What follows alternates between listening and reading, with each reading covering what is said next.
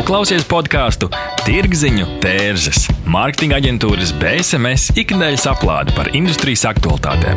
Katru reizi pie BSMS viesojas spilgti nozares profesionāļi un akadēmiķi, kas dalās ar labām praksēm, jēgpilniem padomiem un arī skarbām mācībām.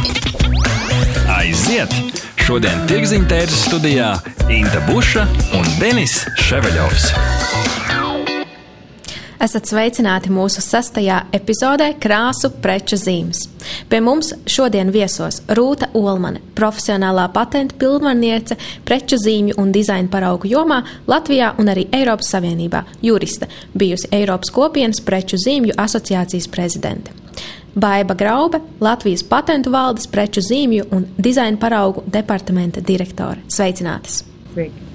Sveiki. Patentu valdes mājaslapā rakstīts, ka preču zīmi veido apzīmējums, kam piemīt atšķirt spēja. Šī gada 10. martā Latvijā vadošais piena pārstrādes uzņēmums Food Union ar Rīgas apgabala tiesas spriedumu nosargāja savas tiesības uz zīmola kārums, biespiena sieriņu iepakojumu oranžo krāsu. Tāpēc šodien mēs runāsim par to, cik viegli vai varbūt grūti ir ieviest krāsas preču zīmi un kādi mājas darbi ir jāveic, lai līdz tam nonāktu. Jautājums jums, un jo īpaši patentu valdei, kas ir preču zīme, kādi ir tās veidi, tad kas, kas būtu vispār jāzina par patentu? Šeit. Respektīvi, kas ir preču zīme? Preču zīme ir apzīmējums, ko lieto, lai atšķirtu viena uzņēmuma preces no cita uzņēmuma tādām pašām precēm. Nu, tas it kā būtu ļoti skaidrs un, un, un, un saprotams. Uh, Un uh, preču zīmju veidi ir vairāki. Tradicionālie preču zīmju veidi ir vārdiska preču zīme, tas ir aizsardzība jēdzienam kā tādam. Uh, nākošā preču zīmju grupa ir figuratīva preču zīme vai figurāla preču zīme. Tās tie ir logo, ko mēs parasti saprotam ar logo, vai arī dažādu iepakojumu etiķetes. Uh, tad ir telpiskas preču zīmes, kur aizsardzība tiek prasīta formai. Tās ir vairāk eh, prečuzīmes, kas ir dažādiem iepakojumiem, ja teiksim, pudelēm vai, vai, vai, vai traukiem. Un Tālāk ir skaņu zīme, jo arī skaņas ir, skaņu zīme arī var, ies, ir iespējams reģistrēt, jo nesen arī patentu valdē reģistrēta preču zīme ir radios konto to melodiju, kas skan pirms sākās pārēde, arī tā ir preču zīme. Eh, tālāk preču zīmes ir krāsu zīmes, kas uh, nozīmē, ka preču zīmes īpašnieks uh, iegūst izņēmuma tiesības uz noteiktu krāsas toni patiesībā, nevis uz nu, visu, uh, visām, nevis uz plašo jēdzienu krāsu, teiksim, nevis uz sarkanu krāsu, bet uz noteikti sarkanas krāsas toni, jo cik tad mums tās varvīksnes krāsas ir, un ja būtībā, laikam, septiņas, ja tad septiņi cilvēki varētu aizņemt visas krāsas. Un tad vēl ir tās, ko mēs saucam par jauno tipa preču zīmēm, kuras ir visām Eiropas Savienības valstīm ieviestas kopš 2019. gada. Tās ir ornamenta zīmes, kur tiek aizsargāts eh, noteikts eh, ornaments, raksts. Tad ir um, novietojuma zīmes, Tās ir tādas zīmes, kuras vienmēr tiek novietotas, nu, kaut kādas preču zīmes, kas tiek novietotas vienā konkrētā uh, vietā. Tas var būt kaut kādas kurpes nošuvums vienmēr vienā un tajā pašā konkrētajā vietā, vai, teiksim, kas, var, kā, kas man liekas, kas var, varbūt vairāk ir zināms, ka vīriešu loida apaviem vienmēr papēdī zolē tāda sarkana strīpiņa, ja? tā ir novietojuma zīme. Un tad arī vēl ir multimediju zīme, kas nu, jau tagad ir tā kā skaņa ar kustību kopā, ah, jā, un kustība zīme vēl pati pa sevi arī, ja teiksim, kustība bez skaņas, un multimēdija zīme, kur ir skaņa ar kustību kopā. Ļoti daudz veidu, nu, ļoti daudz veidu, bet patiesībā tās tradicionālās zīmes, kuras visvairāk tiek lietotas, ir vārdiskas zīmes, figurālas zīmes, un, nu, trešajā vietā ir telpiskas zīmes. Nu, tā apmēram tas varētu būt. Un es pieļauju, ka automātiski tad arī šīs, teiksim, jūs tikko minētās preču zīmes ir arī vieglāk iegūt, kā salīdzinājumā, piemēram, ar krāsu vai netik populārās, vai pareizi? Jā, noteikti, noteikti vieglāk ir iegūt uh, vārdiskas vai figurālas zīmes aizsardzību nekā no telpiskas vai krāsu zīmes vai ornamentu zīmes. Protams. Jā, un arī telpiskai zīmē Latvijā, piemēram, telpiskai zīmē mēs patentu valdē, un nu, arī tas ne tikai Latvijā, bet arī citās iestādēs tiek vērtēta zīme kopumā, teiksim, telpiskums kopā ar etiķeti. Ja? Un līdz ar to tādu veidu telpiskās zīmes mums ir salīdzinoši daudz reģistrētas. Bet kur būtu viena pati, viens pats izstrādājums bez vispār bez nekādas etiķetes, tādas jau ir stipri mazāk, jo patiesībā jau ja jūs tā iedomātos, ka jūs ieiet veikalā, vai jūs pēc formas ļoti daudz varēsiet pateikt, nu, ja nebūtu etiķetes, piemēram, pudelēm. Pirmais, kas nāk prātā, ir, protams, tā slavena Coca-Cola pudelē. Jā, Coca-Cola pudele ir telpiska preču zīme. Manuprāt, arī telpiska preču zīme, ko vismaz man liekas, ka arī cilvēki diezgan labi uh, atpazīst. Protams, ir balzāma pudele, ja, kur mm, mēs arī, jā. teiksim, mums nav jālasa, kas tur rakstīts ir uz etiķetes. Un tad vēl ir, man liekas, ka tas laikam ir Bauska salus, kuram ir tādas mazas apaļas, tādas, tādas zemes pudeles, kas arī būtībā ir nu, diezgan atšķirīgas. Jā, šodien mēs runājam par preču zīmām, krāsas izpausmē, tad man ir jautājums, cik vispār populāri Latvijai piešķirt šādas tiesības mūsu tirgū un kāda ir arī pasaules praksē.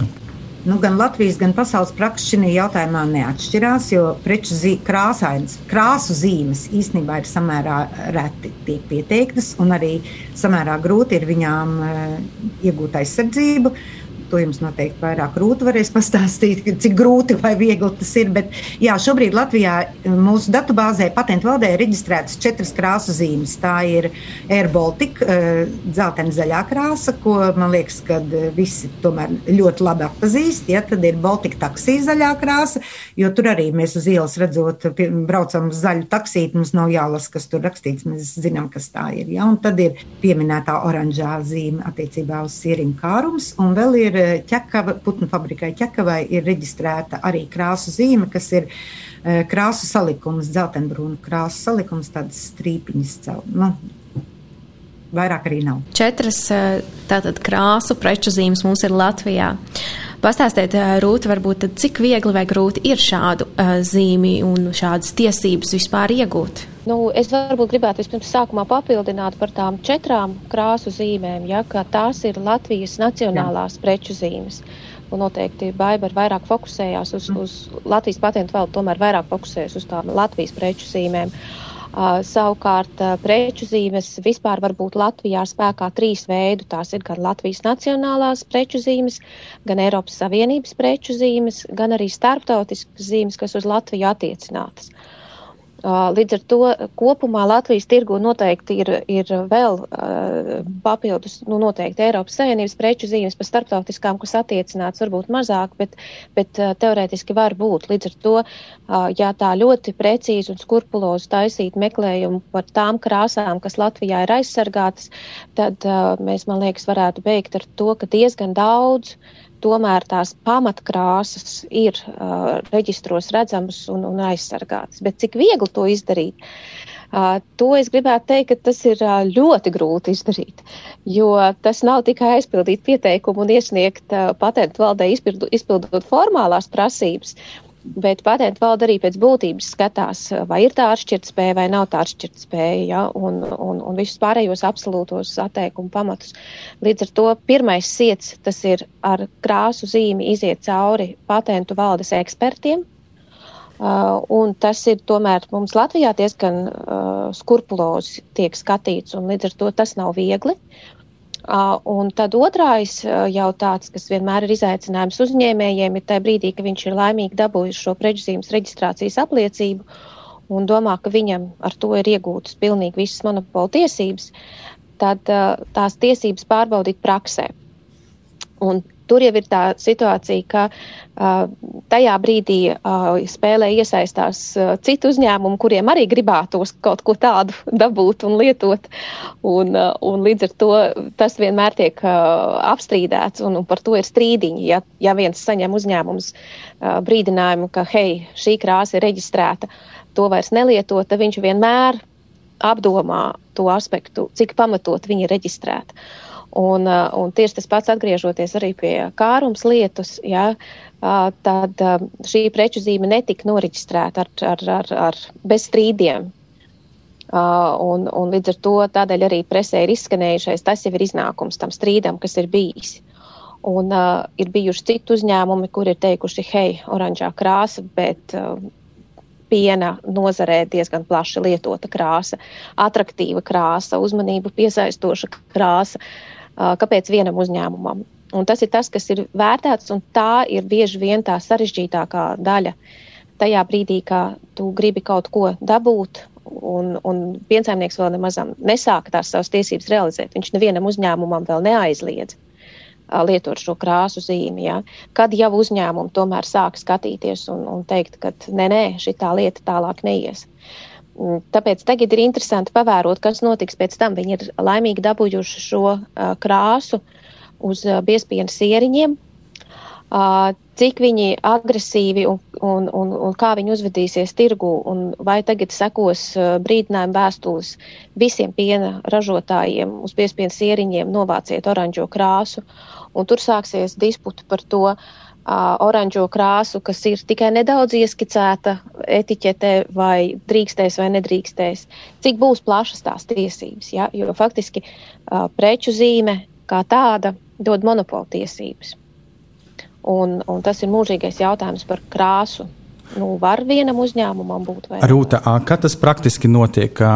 Piemēram, ja notiek disputs, tad gatavojas kaut kādi dati, informācija no pretējiem vai tiem zīmoliem, kuri mēģina to aps, pārsūdzēt, to lēmumu, tad viņi taisa pētījumus, kādus datus, kā var pierādīt.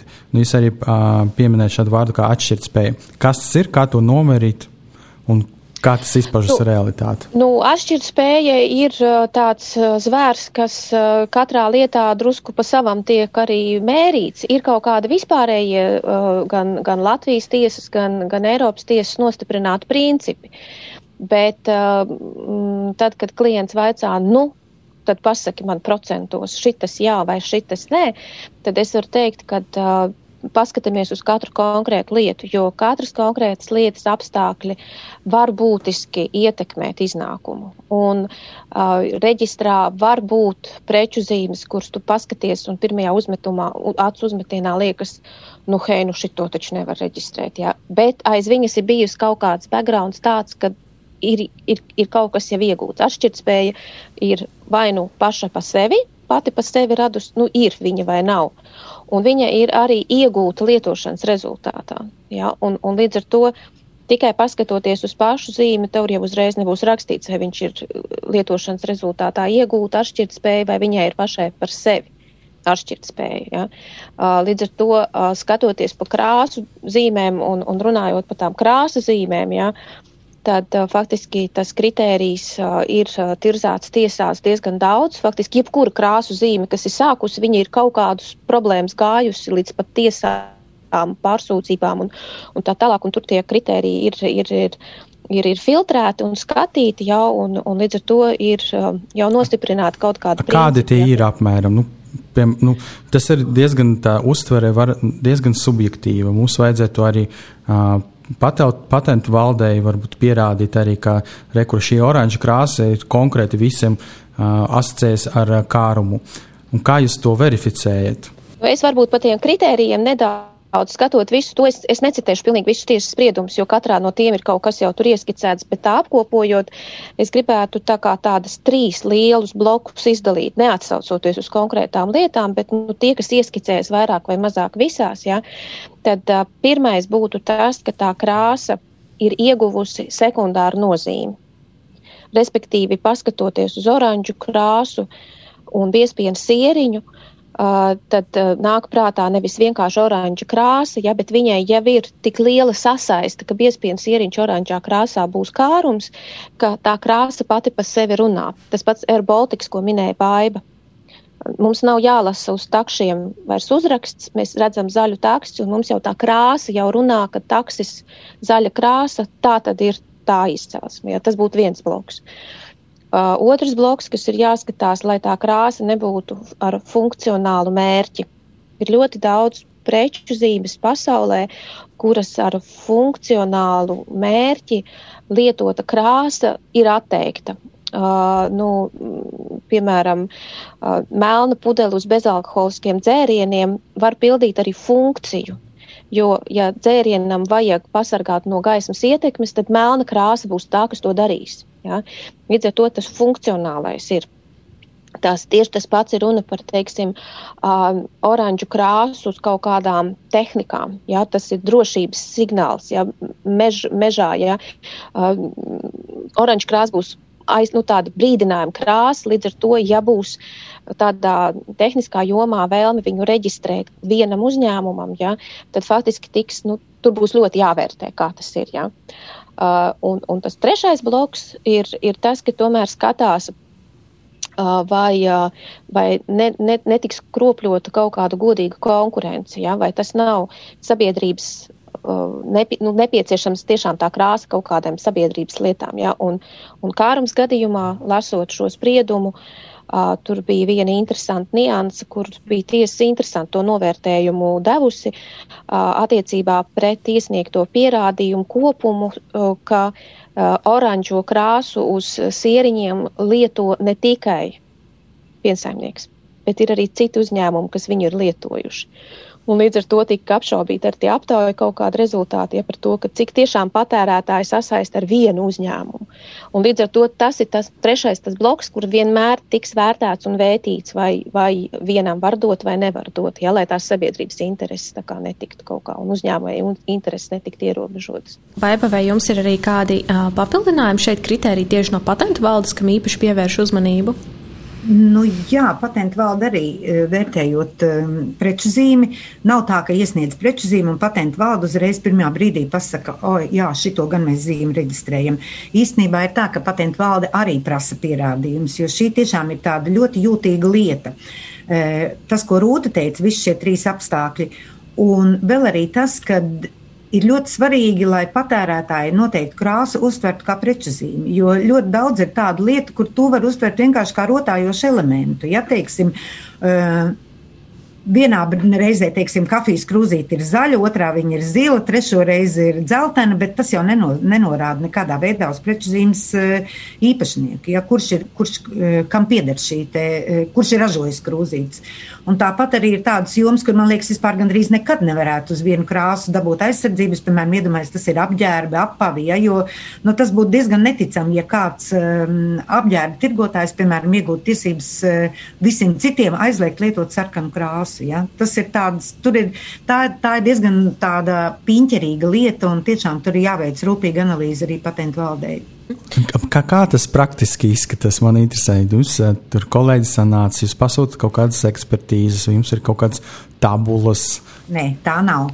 Jo ir pilnīgi otrādāk. Ir tas, ka preču zīmes pieteicējiem ir jāpierāda, ka šī zīme ir iegūsta atšķirtspēju. Protams, ekspertīzes gaitā mēs vispirms arī pārliecinamies par to, vai, nu, teiksim, konkrētā krāsa, eh, vai viņa ir plaši lietota, vai daudzi viņu lieto.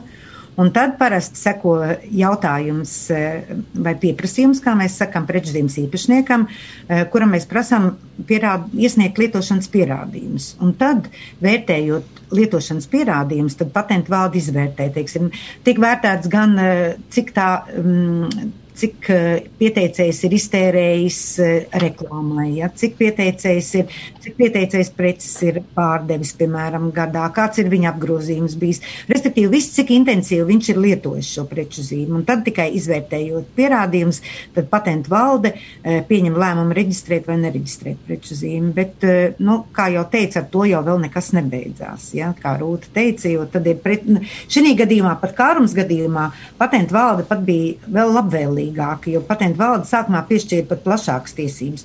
Un tur arī ir tas, ka katram cilvēkam ir kaut kāds savs subjektīvais skatījums. Mums arī sākumā bija šaubas par oranžās krāsas um, reģistrēšanu uz drusku plašāku preču sarakstu, bet tā sagadījās, ka uh, mūsu kolektīvā bija vairāk cilvēku, kuri ir ļoti iecienījuši kāruma produkciju, arī pienu, arī, arī krejumu, un pilnīgi arī apgalvoja, ka viņi ieejot veikalā nemaz neskatās, kas ir rakstīts, ņem oranžo piena paku un zina, ka tā ir kārums. Ja? Protams, mums ir tā, ka katram ekspertam ir eh, pašam jāpieņem lēmums, bet nu, kopīgā apspriedē mēs toreiz tā kā nu, sarežģītās lietas mēs parasti kopīgi apspriežam un, aps, nu, un toreiz nolēmām, ka jā, nu varam reģistrēt eh, oranžo krāsu eh, piena kombinātam. Rūta, tad kādi ir tie pierādījumi, kā tas čemodāniņš izskatās? Nu, čemodāniņš izskatās ļoti dažāds, jo tas ir arī atkarīgs no tā, cik uzņēmums ir patiešām uzkrājis šos materiālus, ja, un, un cik viņš ir korekti skatījies līdzi savas zīmes attīstībai un ar, ar tādu prātīgi arī vāc šos pierādījumus, jo bieži vien ir tā, ka uzņēmumi strādājot un, un, un, un, un, un attīstot lielus produktus, nevienmēr velta pienācīgu uzmanību un, un krāj šos dokumentus. Un tajā brīdī, kad atnāk šis pieprasījums, un mēs aizsūtām klientiem tās nu, diezgan zināmas prasības, ja kas ir jāpierāda. Viņi saka, jā, man kaut kur bija, man kaut kur ēpastā, ne, man kaut kur tur, man kaut kur šitien. Līdz ar to uh, uzņēmēji nepadomā laicīgi jau, lai liktu visas savas reklāmiņas skaisti pa gadiem, ja, vai, vai apkopotu kaut kādus datus par investīcijām, mārketingā vai vēl kaut kur, jo viņi nebūvē to piramīdu tā apzināti. Bieži vien tas notiek spontāni. Un es arī saprotu, kāpēc, jo tas viss prasa laiku un resursus. Ja? Līdz ar to ir tā, ka mums ir jāstrādā ar to, ko iedod uh, uzņēmums, lai kā juristiem sagatavotu šos te atteikumus, pārvarēt viņus, un, un tāpēc mums ir dažādas tās paketes. Bet uh, piensēmnieku priedumā, es skatos īstenībā ir ļoti skaisti tiesa arī apkopojusi tā īsumā, norādot uh, piecus momentus, par kuriem uzņēmumiem vajadzētu domāt, uh, pierādot šo iegūto atšķirtspēju ilgstošas lietošanas rezultātā. Un tur ir minēta pirmā ir uh, tirgus daļa, respektīvi jāpierāda, cik liela ir tā tava tirgus daļa, kur tu sekmīgi strādā ar šo krāsu. Uh, tad ir jāpierāda zīmes izmantošanas intensitāte, respektīvi viena reklāma piecu gadu laikā nu, nebūs. Ja? Vai lietošana vienā piemājas veikaliņā kaut kur lauku reģionā, kur ir apgrozījums mazs, nebūs pilnīgi noteikti. Ja? Ir, ir jāpierāda, ka tiek segmentēta visa teritorija ma maksimāli lielā daļā, ir jābūt patstāvīgam un ilgam tam lietošanas apjomam, ja? lai tur varētu tā domāt. Tad sniedz iekšā uh, informāciju par reklāmā investētām summām. Uh, tad ir uh, patērētāju daļas proporcija, ja, kas identificē šo krāsu ar, ar to preci vai pakalpojumu. Tas nozīmē, ka sasaistē ar konkrēto uzņēmumu, kas saistīsies tieši ar to, nevis ar, ar visiem citiem. Ja? Un tad vēl ir profesionāļu apvienību viedoklis, nu, respektīvi, kas ir mūsu tirzniecības rūpniecības kameras, ja, kas var kaut ko sagatavot, nu, tādi neatkarīgi avoti, nevis pats, pats uzņēmums. Ja? Kā, diezgan tur arī tirzāts arī tajā spriedumā par piensēmnieku viņu iesniegtā pašu sarakstītā slavinošā grāmata. Ja. Tas ir labs mārketinga līdzeklis, bet tas nevar būt viens vienīgais pierādījums. Ja. Kopsakarā tas ir viens no. Bet, ja pats uzņēmums saka, ka, hei, kāds ir milzīgs, liels un malacis, un tikai es un viens, tad uh, noteikti gan patentu valdes ekspertus to skatīsies kritiski, gan vēl jau vairāk pie strīdiem tiesā tā tiesa skatīsies kritiski. Respektīvi, jābūt kopumam, lai tad varētu. Okay. Mēs arī esam aptaujājuši Latvijas iedzīvotājus, ko viņi domā par oranžu krāsu, par karumu, kolu, pepsi un valiju, un par šo pēc īsa pārtraukumā. Tirziņa tērzes - tas ir vērtīgs saturs mūsdienīgam mārketinga speciālistam. Neatbildami jautājumi, sarežģīti lēmumi. Sazinies ar Norstat. Mēs palīdzēsim. Norstat. Tas ir draudzīgs servis, innovatīvi risinājumi un kvalitatīvi dati, lai tu varētu pieņemt veiksmīgus, datos balstītus lēmumus. Pievienojies vairāk nekā simts Latvijas uzņēmumiem, kas uzticas vadošajam datorisinājumu nodrošinātājam Ziemeļeiropā. Mūsu mērķis ir atvieglot tavu dzīvi un ļaut pieņemt pareizus lēmumus. Norstat - vērtīgi dati svarīgiem lēmumiem. www.norstat LV Nu, lūk, tad uh, Norstat mums arī palīdzēja atvieglot dzīvi, un mēs esam noskaidrojuši, uh, ko cilvēki domā par to oranžu krāsu. Paņēmam uh, to krārumu oranžu krāsu un pajautājām, ar kuru zīmolu asociēs šī krāsa. Tad uh, 20% no respondentiem atbildēja, ka tieši ar kārumu. Tad, tad katrais piektais Latvijas iedzīvotājs. Nu, vismaz aptaujāt cilvēki, bet tie ir reprezentatīvi dati. Mums aptaujā piedalījās uh, 1013 respondentu. Uh, atpazīstina kārumu pie tā oranža krāsas. Um, mazliet vairāk par 20% nevarēja nosaukt nevienu zīmolu, kas viņam nāk prātā. Un tad, kas ir ļoti interesants, 8,2% teica, ka šīs krāsa asociēs viņam ar Rīmi. Nezinu kā, bet uh, bija arī, protams, citi, uh, uh, citi novērtējumi. Tā, bet kopumā ir safe to say, ka kārums katram piektajam tomēr asociēs ar to oranžu krāsu. Varbūt tas arī ir bijis tā čemodāniņa rūta. Jā, jā nu, tur bija cits, tur bija, protams, aptaujas dāti iekšā un, un, un, un, un tas bija viens no pierādījumiem, jo, jo lai pierādītu kaut kā, ka patērētājs sasaist ar, ar krāsu konkrēto, tad, protams, aptaujas dati ir viens no pierādījumu līdzekļiem. Tur, protams, bija vairāk jautājumu jau un, un, un sasaistīts, bet bija viens no jautājumiem, un, protams, kad aptauja rezultāti ir tie arī, kas tiek vērtēti ja, kā trešo personu viedoklis. Un, un, un, un tas ir viens no pierādījumiem, ļoti labs pierādījums. Arī patentu valdē ļoti daudz tiek iesniegts tieši šie te, ap, šīs te aptaujas, un, un, un nu, patentu valde arī vienmēr uz tām paļaujās. Tomēr, ja tur, un vēl tā kā šī gadījumā 20%, nu, tas, protams, ir eh, ļoti labs rādītājs. Jā, jā lai arī saprastu to benchmarku, kā, kādas krāsas varētu būt, cik daudz viņas varētu atpazīt. Eh, mēs arī paņēmām to klasisko Coca-Cola sarkanu krāsu, un tur jau gan 24% varēja atpazīt kolu, eh, kas ir diezgan daudz, gandrīz katrs jau ceturtais. Arī Rīmī tika no, pieminēts uh, 10%, un šeit uh, um, cilvēku, kuri nevarēja ne ar ko konkrēti identificēt šo krāsu, bija krietni mazāk, ir 15%. Tas uh, arī bija ļoti interesanti paskatīties.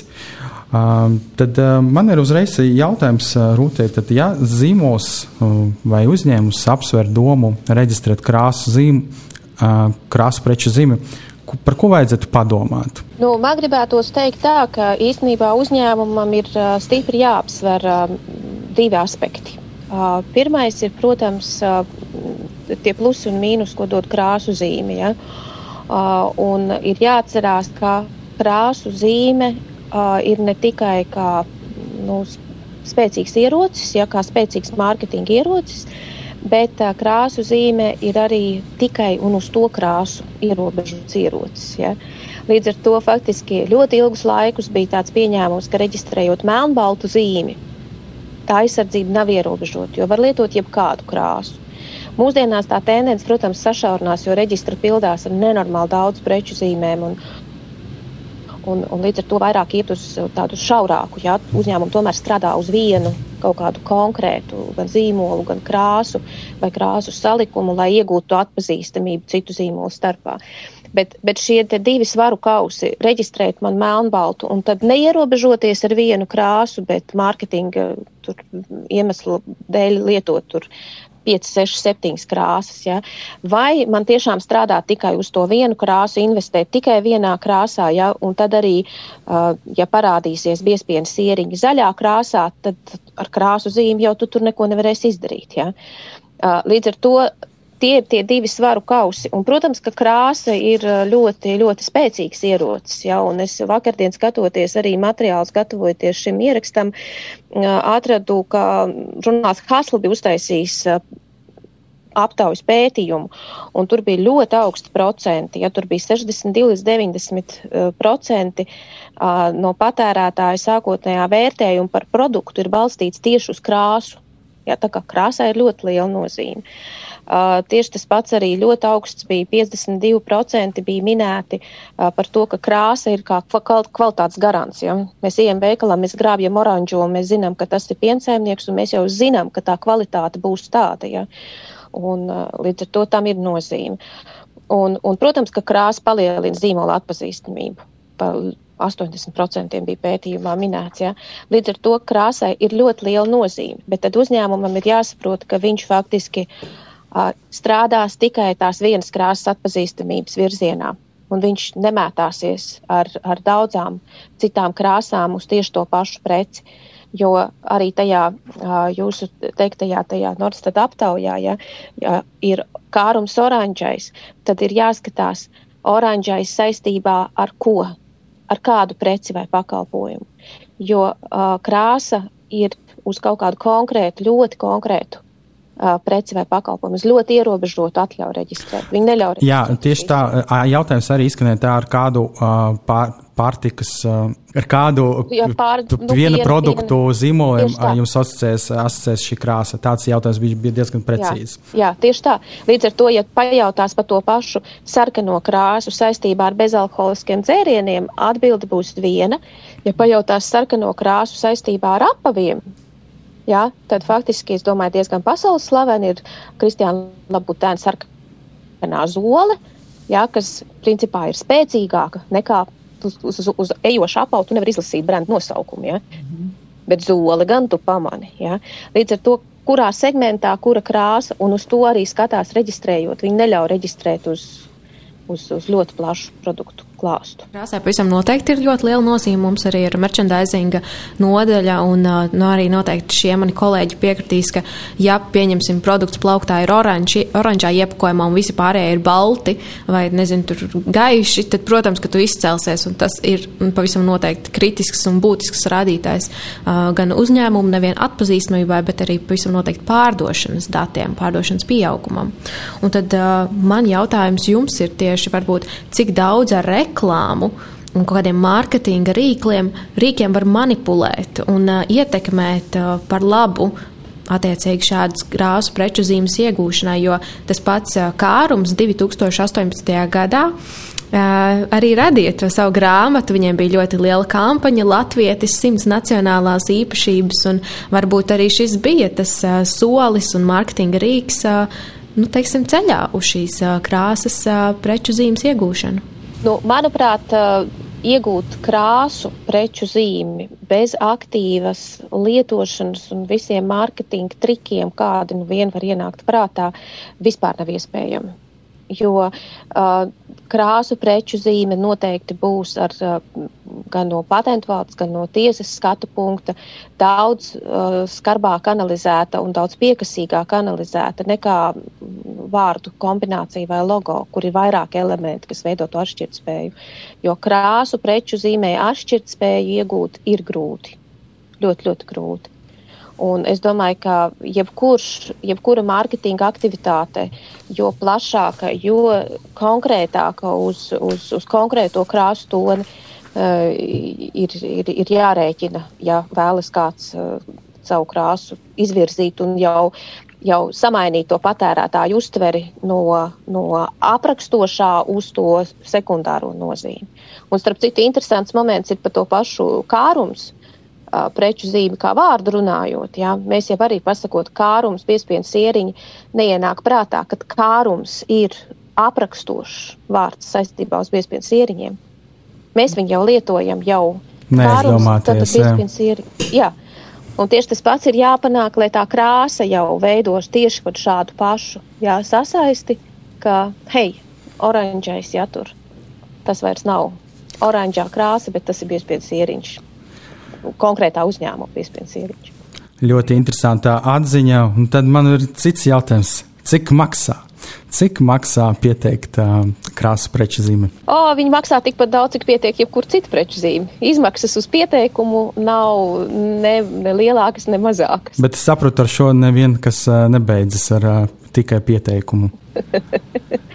nu, tad pārējā daļa ir dārga.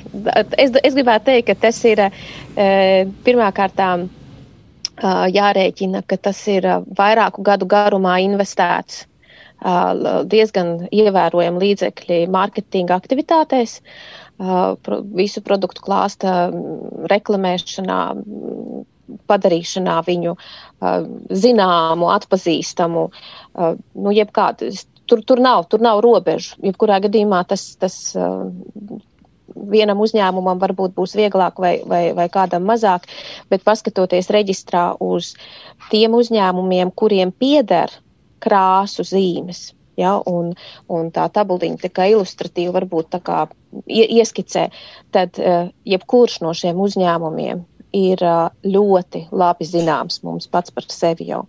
Līdz ar to tas nav mazs uzņēmums. Tie ir lieli uzņēmumi ar lieliem budžetiem, un, un, un, un viņi neviens nesāk ar krāsu, viņiem ir jau priekšvēsture ar citiem brandiem. Apkopojot visus jūsu minētos ieteikumus, mācības, galvenās atziņas, tad uh, labprāt dzirdētu jūsu secinājumus. Varbūt baiba jūs varat sākt. Kas būtu tas svarīgākais, ko jebkuram mūsu klausītājam, varbūt uzņēmumu vadītājam vai zīmolu vadītājam, tad būtu jāņem vērā, ja viņš tiešām arī vēlas reģistrēt savu krāsu preču zīmi? Es ieteiktu sākt ar maziem solīšiem. Pareizais variants būtu uh, izmantot vispirms figurālu preču zīmi, respektīvi izmantot to krāsu, ko jūs gribēsiet vēlāk iegūt kā savu preču zīmi, izmantot, piemēram, pa fona krāsu. Tāpat kā, piemēram, tam pašam sieriņam kārums ir tas dzeltenā fona krāsa, un sākumā pakāpeniski lietot, no, lietot viņu kopā ar to aprakstu, nu, to nevis aprakstošo daļu, bet nosaukumu kaut kādu. Ja, teiksim, savu preču zīmi likt uz noteiktas krāsas fona. Un tad, kad tā jūsu preču zīme, ja jums labi veiksies eh, biznesā, un tā jūsu preču zīme iegūs eh, atpazīstamību, tad līdz ar to atpazīstamību iegūs arī tā krāsa. Un tikai tādā brīdī es domāju, ka varētu sākt domāt par to, ka uh, es varētu reģistrēt à, man ir uh, figurāla zīme reģistrēta, varbūt tagad ir pienācis laiks, ka es varu reģistrēt krāsu zīmi, jo varbūt patērētāji jau uh, šo manu krāsu saista tikai ar manu uzņēmumu. Nu, tas būtu tas, kā es iedomājos, kā varētu notikt. Jo, nu, protams, ka pieteikt uzreiz krāsu zīmi nu, 99% sākotnēji mm, pieteicējs saņems atteikumu. Mm -hmm. Tas būtu ambiciozi, ja uzreiz uh, iet ar savu krāsu. Teikt, es esmu oranžs, vai melns, vai zaļš, un tad man vajag patentu vai ne savu preču zīmi. Otra lieta arī to, ko Rūta jau iesāk sākumā teikt, ka jā, jāizvērtē arī, kā tā krāsa tiek lietota, jo ir jau bieži arī tā funkcionālā nozīme. Nu, teiksim, tāpat kā mēs zinām, ka ugunsdzēsšanai aprāp vienmēr ir sarkani, ja?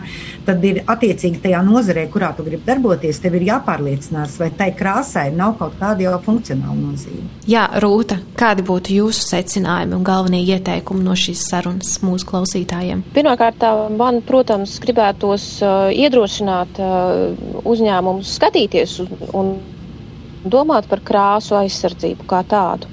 Bet var piekrist Baibai, ka tas ir jādara soli pa solim. Un tajā brīdī, kad ir pieņemts lēmums, tad ir jāsaprot, ka tas prasīs ilgu laiku un investīcijas un arī skrupulozu darbu pie tās informācijas uzglabāšanas, korektas apkopošanas, lai tad, kad viņš ir vajadzīgs izmantot, viņa būtu pieejama. Bet krāsa kā tāda, protams, ir jāizvērtē ļoti, ļoti rūpīgi. Un analizējot arī kārums spriedumu, es gribētu teikt, ka um, ambiciozi ir prasīt ļoti ejošu krāsu savai precei, kā, kā ekskluzīvai.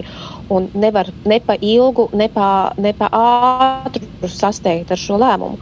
Jo, ja tā krāsa jūsu darbības rezultātā ir padarīta attraktīva, un to jau sāk ņemt kāds cits un lietot, ja, tad faktiski nevar drausmīgi ilgi gaidīt ar to pieteikumu datumu. Ja. Līdz ar to ir jāskatās, ja ir atrasts skaists tonis un viņā ir investēts jau kaut kāda atpazīstamība uzstrādāta, tad vajag spērt to soli un vajag viņu iesniegt un, un, un reģistrēt. Nenovilkt pārāk ilgi. Paldies eh, mūsu viesiem eh, sastajā epizodē Krāsu preču zīmes.